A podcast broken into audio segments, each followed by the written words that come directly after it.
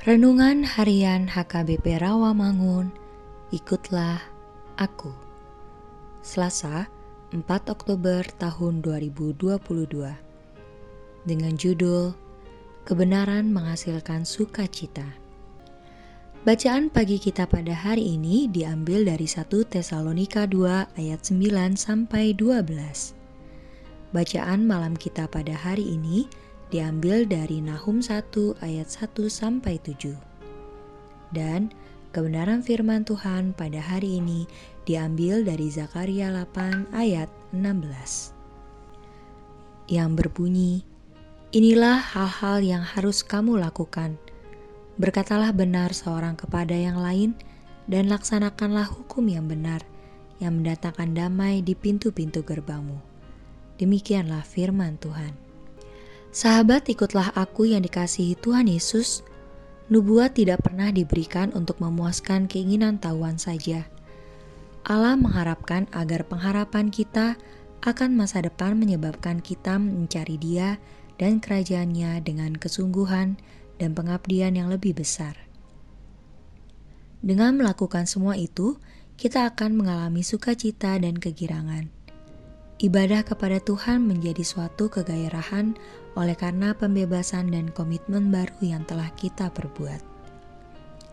Umat Kristen adalah milik Allah. Oleh karena itu, kita harus memberitakan perbuatan-perbuatan besar dari Allah. Sebagai imamat yang rajani, kita harus berperilaku yang patut dijadikan teladan terhadap sesama. Misalnya menjadi pendoa dan panutan di dalam persekutuan sehingga orang lain bisa mendapat berkat. Kesaksian hidup apa yang telah kita lakukan kepada orang lain hari ini?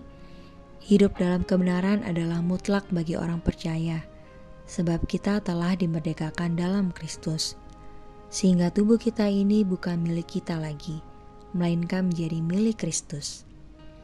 Kebenaran tersebut meliputi segala aspek kehidupan jika orang percaya masih saja hidup dalam kecemaran, berarti dia tidak melakukan apa yang menjadi kehendak Tuhan. Salah satu perlengkapan rohani yang harus dikenakan orang percaya adalah berikat pinggangkan kebenaran. Bagi ubat pengikut Yesus, hidup benar itu adalah harga mati. Bahkan bisa mengajar dan mengajak orang lain hidup dalam kebenaran bila kita sendiri tidak hidup benar. Berkat dan kebaikan Tuhan tersedia bagi orang yang setia melakukan kebenaran. Amin.